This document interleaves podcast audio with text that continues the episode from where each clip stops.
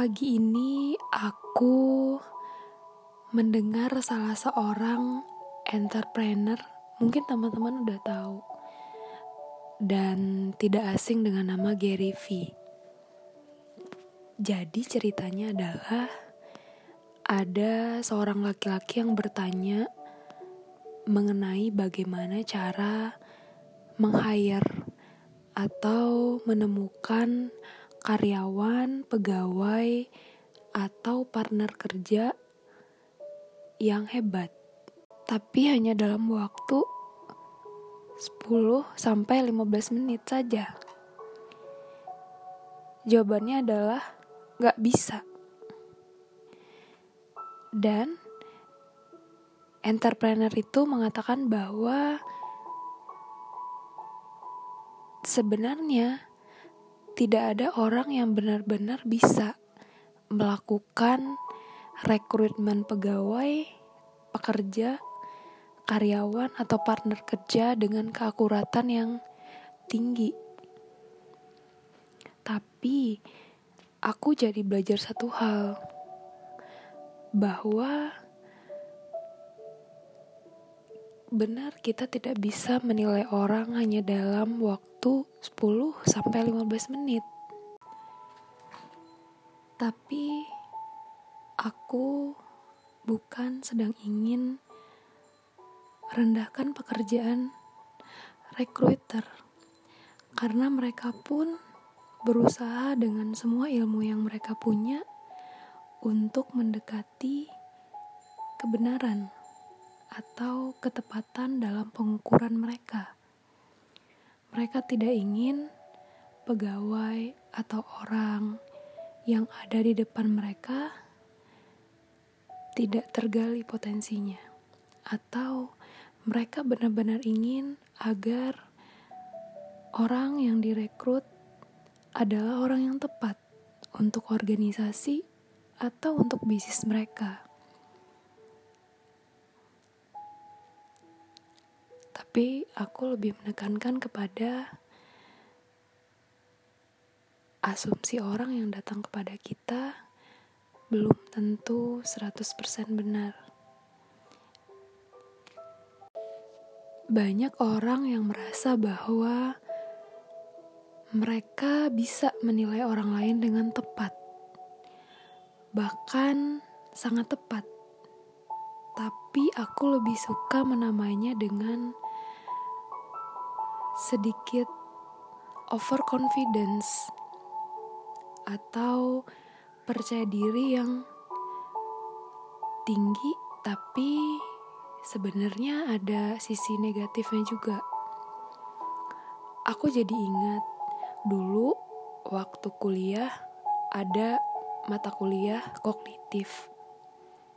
Di situ dijelasin bahwa Salah satu kecenderungan manusia adalah adanya confirmation bias atau bias dalam mengkonfirmasi apa yang dia yakini.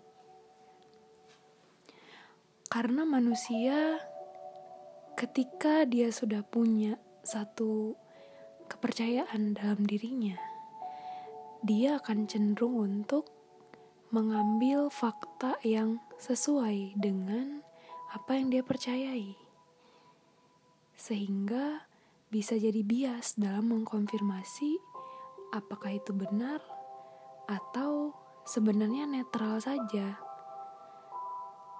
atau mungkin tidak tepat juga. Jadi, aku ingin memberikan mungkin semangat, mungkin juga insight buat teman-teman yang mungkin pernah dikatakan bahwa tidak mampu ini, tidak mampu itu, tidak cocok di sini, tidak cocok di situ, atau apa pun informasi yang teman-teman terima dari orang lain, bahwa itu belum tentu 100% benar. Karena dalam hidup kita bisa berubah sama kita masih hidup. Ada banyak sekali perubahan-perubahan yang bisa kita lakukan. Begitu juga kalau teman-teman dicap sesuatu yang negatif. Masih ada waktu untuk melakukan perubahan. Aku jadi dapat insight bahwa bagaimana kita tidak 100% percaya omongan orang-orang di luar diri kita. Ini juga mengingatkan aku pada ayat Al-Quran yang bilang bahwa bahwa Allah tidak akan mengubah nasib suatu kaum sebelum kaum itu yang merubahnya. Aku merasa bahwa kita sebagai pribadi kita punya kontrol atas diri kita, atas perilaku kita, juga atas kepribadian kita. Mungkin orang bilang kita begini, tapi masih ada waktu untuk melakukan perubahan kan? Atau bisa jadi sebenarnya kita bukan begitu. Entrepreneur itu juga bilang bahwa yang paling penting adalah bukan hanya merekrut orang yang menurut kita akan berhasil di pekerjaan itu, tapi juga memotivasi orang itu. sehingga membuat dia punya energi yang sangat besar untuk melakukan pekerjaannya dengan maksimal. Posisi-posisi lain di luar sana mereka mungkin salah. Dan mungkin saja kesalahannya terjadi ketika melakukan rekrutmen ke kamu. Tapi dari pengalaman aku, dan dari cerita-cerita yang sering ku dapat, aku percaya bahwa manusia bisa memotivasi dirinya sendiri. Kita kadang punya cara yang berbeda satu sama lain untuk memotivasi diri kita sendiri. Ada yang mungkin membaca buku sejarah, dia termotivasi Aku pernah bertemu orang yang seperti itu. Ada yang membaca buku pengembangan diri. Ada yang bahkan mendengar musik. Ada yang sholat. Ada yang membaca Al-Quran. Ada yang bertemu dengan teman-temannya. Tapi menurut aku, sesuatu hal yang lebih penting adalah bagaimana kita tahu diri kita sendiri. Bagaimana kita tahu cara untuk membakar kembali energi kita. Jadi, di atas semua asumsi-asumsi yang didatangkan dan dialamatkan untuk kita, kita percaya bahwa kita lebih kadang kita lebih tahu tentang diri kita dibanding orang lain. Tapi aku tidak mengatakan bahwa orang lain itu 100% salah. Bisa saja kita bertemu dengan orang yang memberi informasi tentang diri kita 80%. Bisa jadi 10%. Bisa jadi hanya 2%.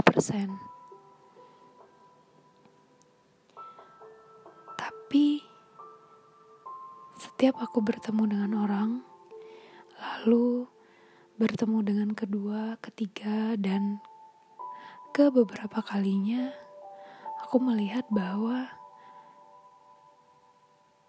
kadang label tertentu hanya berlaku untuk pertemuan pertama. Selanjutnya kadang berbeda. Artinya, bisa jadi ketika ketemu dengan seseorang, orang itu lagi bahagia, atau sebaliknya, orang itu lagi banyak tekanan, sehingga judgementnya terasa cepat sekali keluar. Tapi balik lagi, kadang kita tahu diri kita sendiri, jadi jangan kita telan 100% asumsi, label, apa pun orang capkan kepada kita. Mungkin saja kita jauh lebih berharga dari itu, atau bisa jadi kita di bawah hal itu, tapi kita bisa mencapai label-label terbaik Kututup podcast ini dengan sebuah kutipan dari Ali bin Abi Thalib yang mengatakan bahwa jika kamu tidak mau dikatakan seperti itu oleh orang lain, maka jangan mengatakan hal itu kepada orang lain. Kalau aku memahami, salah satu halnya adalah menjadi lebih hati-hati ketika memberikan asumsi atau memberikan judgement kepada orang lain. Terutama kalau kita sendiri tidak mau dikatakan seperti itu. Dan aku kadang juga merasa bahwa terkadang pada kondisi tertentu, aku pun juga cepat menjudge orang lain. Tapi aku merasa bahwa dia bukan sepenuhnya begitu, dan aku pun tidak mau melabel diri aku sebagai orang yang suka menjudge. Terkadang aku lihat Aku menjudge orang ketika aku pun sedang ada dalam emosi negatif. Sehingga kadang kalau ada dalam emosi negatif, aku memilih untuk tidak bertemu orang. Tidak membalas pesan orang lain yang tidak terlalu penting menurutku. Tapi yang lain bisa punya cara yang berbeda denganku. That's all. Thank you.